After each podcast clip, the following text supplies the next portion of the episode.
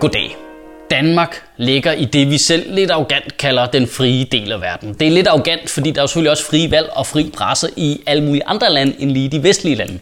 Men det har også en klangbund af noget lidt rigtigt, fordi det var os, der fik det først, og det er generelt set os, der har det så godt, så vi har den øh, overskud. Det kræver at blive ved med at gå op i det, i sådan nogle luksusting som frivalg og fri presse. Også gå op i det over for andre mennesker i verden. Øh, du er lidt ligeglad med, om præsidenten i dit land han har valgt eller har taget magten ved et kup, hvis du bor et sted, hvor der ikke er noget mad, og der er en krokodille på din skole. Men vores frie presse er kommet under pres fra noget uventet kant, nemlig pressens frihed. Ja, så blev det lige akademisk lynhurtigt. Men altså, vores aviser og medier må skrive lige præcis, hvad de har lyst til. Og det er nu gået hen og på et problem, for det er der faktisk nogle af dem, der gør. De skriver lige, hvad fuck det er, de har lyst til, lige bare om det er rigtigt eller forkert. I USA har de været havet af det længe, hvor falske nyheder og præsidentkandidater, der bare lyver øh, hver gang de åbner munden, har været en stor del af den sidste valgkamp, der har været. Men herhjemme der har vi også en afstikker i den korte avis, som er kommet i problemer for nylig, fordi der er en masse annoncører, der er begyndt at trække deres støtte, fordi de ikke vil have, at de lyver. Og øh, de lyver. Altså, selv navnet lyver. Den korte avis, den er simpelthen ikke kort, den avis. Den føles så lang, når man læser den. Okay, godt, stop inden vi kaster os frodende over den korte avis, og det skal vi nok gøre, der kommer masser af jokes senere, men inden så har jeg lige behov for at spørge, har du læst den korte avis for nylig? Nej, det tænker jeg nok. Men nu satte jeg mig faktisk ned og læste den fire timer i går. Og jeg har kun én ting at sige. Løb, kalifatet kommer! Hjælp! Okay, okay. Også lige, vi skal lige være seriøse i to sekunder. Det var fordi, jeg tænkte, nu skal det ikke være fordom det hele. Nu læser jeg den faktisk igennem. Fordi før nu, så har jeg faktisk kun læst de der worst case scenario historier fra den korte avis. Så, dem har jeg godt set, ikke? Dem der, hvor de prøver at kæde øh, stenkast fra motorvejsbrugere sammen med islamisk stat. Eller for nylig, den der helt usmagelige, hvor de prøver at få mordet på den der stakkels politibetjent Jesper Juhl til at handle om muslimske parallelsamfund som hvor man bliver rigtig træt i ansigtet. Ikke? Men nu sad jeg faktisk og læste det rigtig mange af deres artikler. Det minder mest af alt om sådan en kriminalrapport fra en lokalavis. Altså sådan virkelig små kriminalhistorier. Bare med det ene forhold, at de alle sammen handler om indvandrere. Altså 100% af dem var noget med indvandrere.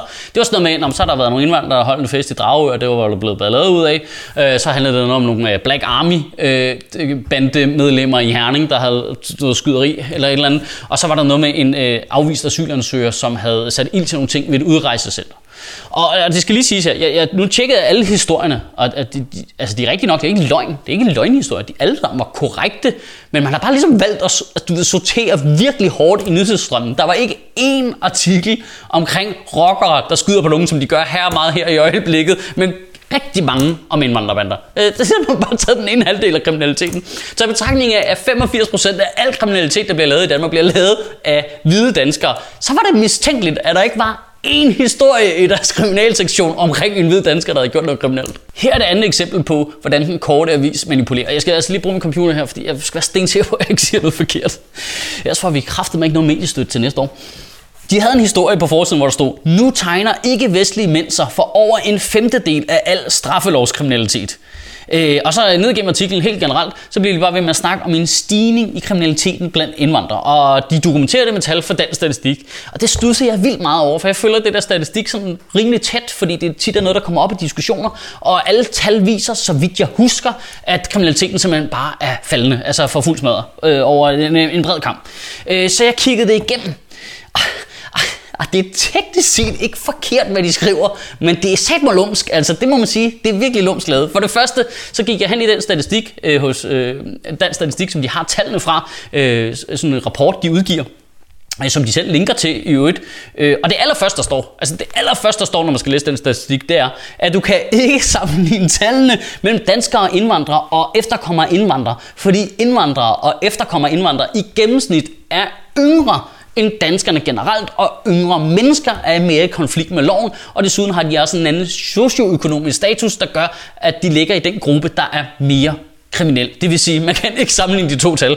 Det, det glemte de at skrive på den korte vis. Så kunne jeg huske, at øh, indvandrere og efterkommere indvandrere står for øh, 14,8% af kriminaliteten i Danmark, og hvide danskere står for øh, 85% af kriminaliteten. Hvorfor skriver den korte avis så øh, 22%?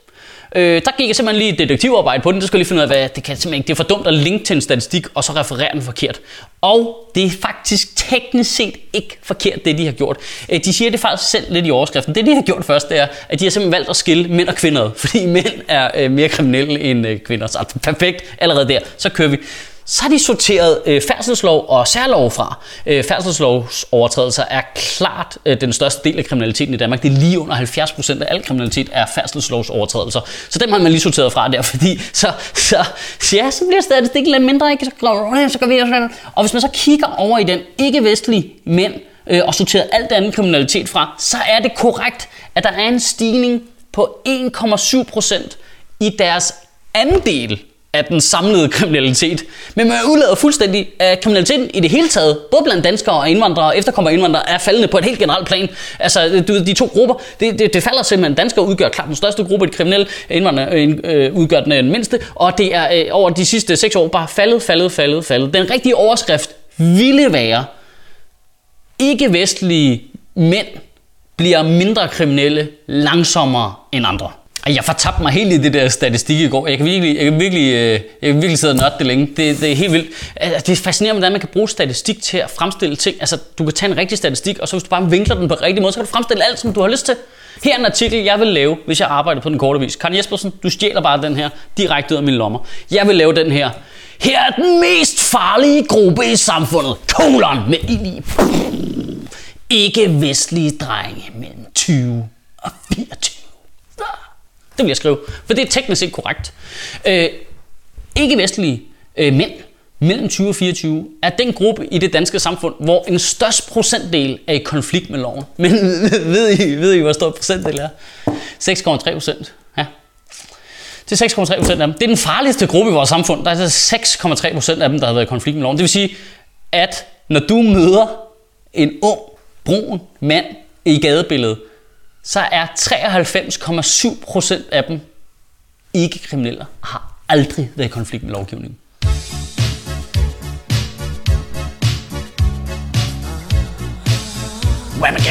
Ej, ej, ej, lige en statistikagtig ting til, og så lover jeg at holde op. Jeg ved, jeg ved godt, det er fucking kedeligt, der er sikkert fire seere tilbage nu, eller sådan noget. Men helt seriøst, prøv lige at hænge på. Det er fordi, ifølge Rigspolitiets tal, så er den personfarlige kriminalitet i Danmark faldet med lige under 25 procent på de sidste 6 år.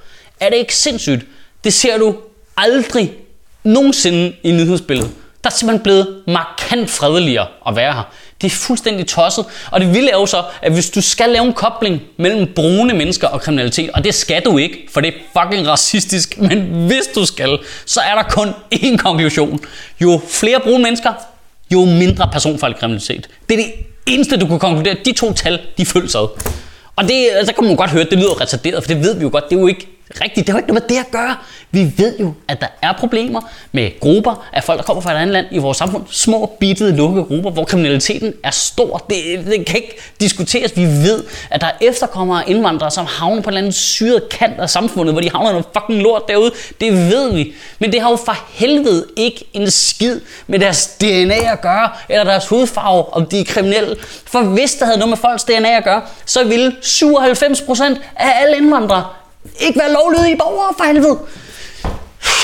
Ved du hvad, det indretter vi en annonce på den korte vis med. Jeg har hørt, der skulle være noget billig reklameplads til selv der. Og nu ved jeg godt, at der er rigtig mange af jer derude, der sidder og tænker, åh, kan vi ikke bare tige det lort ihjel? Ja, det er ikke lidt lige meget, Michael. Nej, det er det ikke. Det er det ikke. Ifølge Jyllandsposten, så er den korte avis den avis, der i 2016 fik flest artikler delt på de sociale medier. Det er slet ikke lige meget, hvad de render rundt og skriver derovre. Her er endnu mere deprimerende ting. For nylig der interviewede jeg Dansk Folkeparti's Kenneth Christensen Berth på Nørrebros Teater. Øh, det er interview, der kommer op ganske snart. Men i det interview, der diskuterer vi kriminalitet, og han siger på et tidspunkt, at den personfarlige kriminalitet er steget. Det synes jeg, jeg mener, jeg kan huske, at den ikke er, fordi jeg har tjekket det, men det er ikke noget, jeg sidder gider diskutere med ham der. Det er ikke det, det handler om. Det handler om at have en, øh, en rar og hyggelig samtale omkring politik. Men jeg kan ikke lade være med lige at sende ham en mail bagefter og sige, øh, jeg tror altså, det, hvor jeg har tjekket det hos Rigspolitiet, så er det ikke rigtigt, det du siger. Og hvad har du måske nogle andre tal, som jeg ikke kender, som du kan se? Og hans svar er øh, et link til den korte vis. For helvede, altså. Det, det er slet ikke lige meget, hvad de skriver derovre. Det er altså en folkevalgt politiker, som vi betaler løn for, og som har adgang til al statens information, for at han kan have et oplyst billede, som vælger at få sine nyheder på den korte avis. Det, det er slet ikke lige meget, hvad de skriver derovre. Den korte avis er jo lige så meget en avis, som Sjøtministeriet er et rigtigt ministerium. Altså helt seriøst. Og den får mediestøtte. Hvordan får vi ikke mediestøtte? Jeg forstår det ikke. Jeg vil have mediestøtte nu. Når du læser ting på den korte avis, det er, sådan, det, det, det er jo slet ikke artikler. Det er jo mere sådan en form for øh, fuldstændig øh, usammenhængende øh, fri association. Det er lidt ligesom at snakke med et barn, når du læser det med, så over i børnehaven, så vil jeg gerne lege med Liva, men så skulle jeg lege med Liva, så, uh, se en hund, jeg kan godt lide hunden, nej, der er hund, jeg kan ikke lide katte, kattekillinger er meget sød, kom nu til sagen, hvad er det, du vil sige? Det er muslimernes skyld det hele. Ja, okay, tak. For helvede. Det, det, det, det er vildt, at der bliver sagt flere rigtige ting i den korte radioavis. Og det er et satireprogram, der gør det for sjov. Det, det er en af, man fucking mand, der er klædt ud som en dame. Det, det er det selvfølgelig også på den korte avis.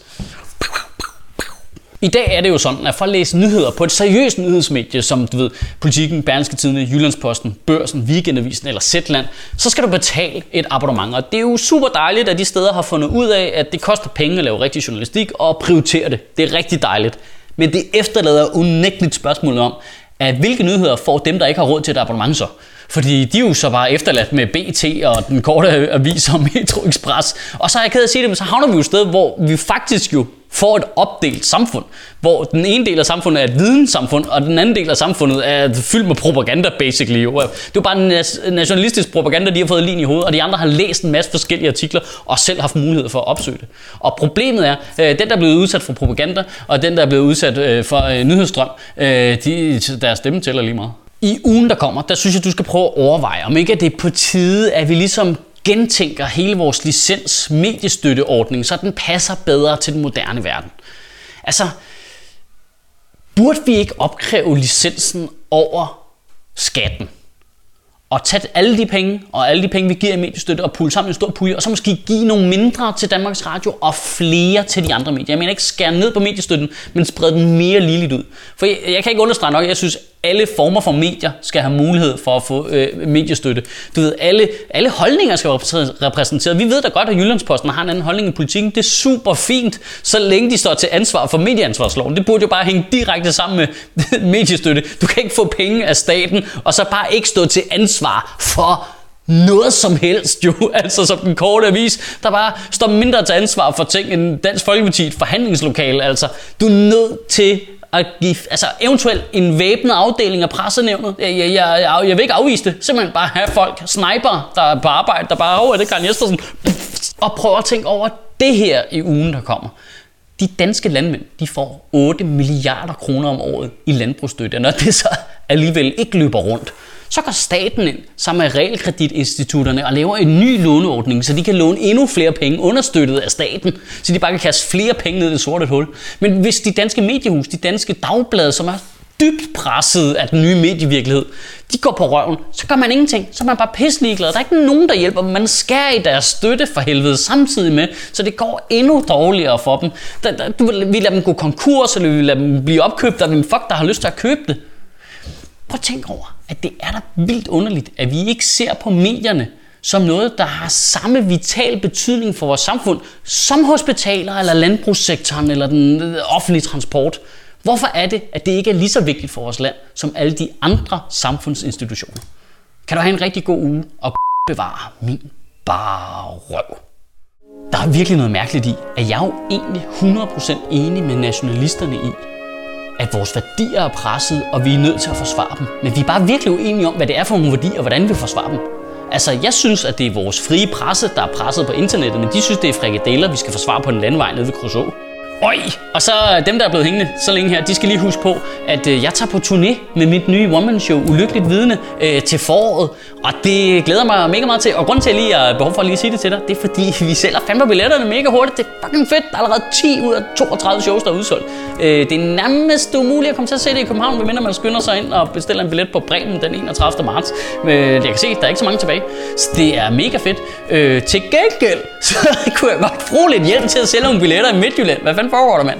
Nej, nej, nej, der går det altså langsomt. Øh, jeg kommer både øh, til Silkeborg og Vejle og Tobakken i Esbjerg. Jeg tager op til øh, Herning, Skive. Jeg tager helt op til Tisted, mand. Det bliver fedt. Tisted Teater, det glæder jeg mig mega meget til. Så kommer jeg selvfølgelig til Aarhus. Øh, men hvis du vil have en billet, så skal du øh, følge det her link ind på fbi.dk. Der kan du købe den. Det er mega fedt. Sjøtministeriet lever af dine donationer. På tier.dk kan du oprette et donationsabonnement, hvor du giver lige præcis det beløb, du har lyst til. Og så kan vi lave flere interviews på Nørrebro Teater, flere taler, sende Sofie Flygt mere på gaden. Og hvis ikke du gør det, så er du en vegan shows.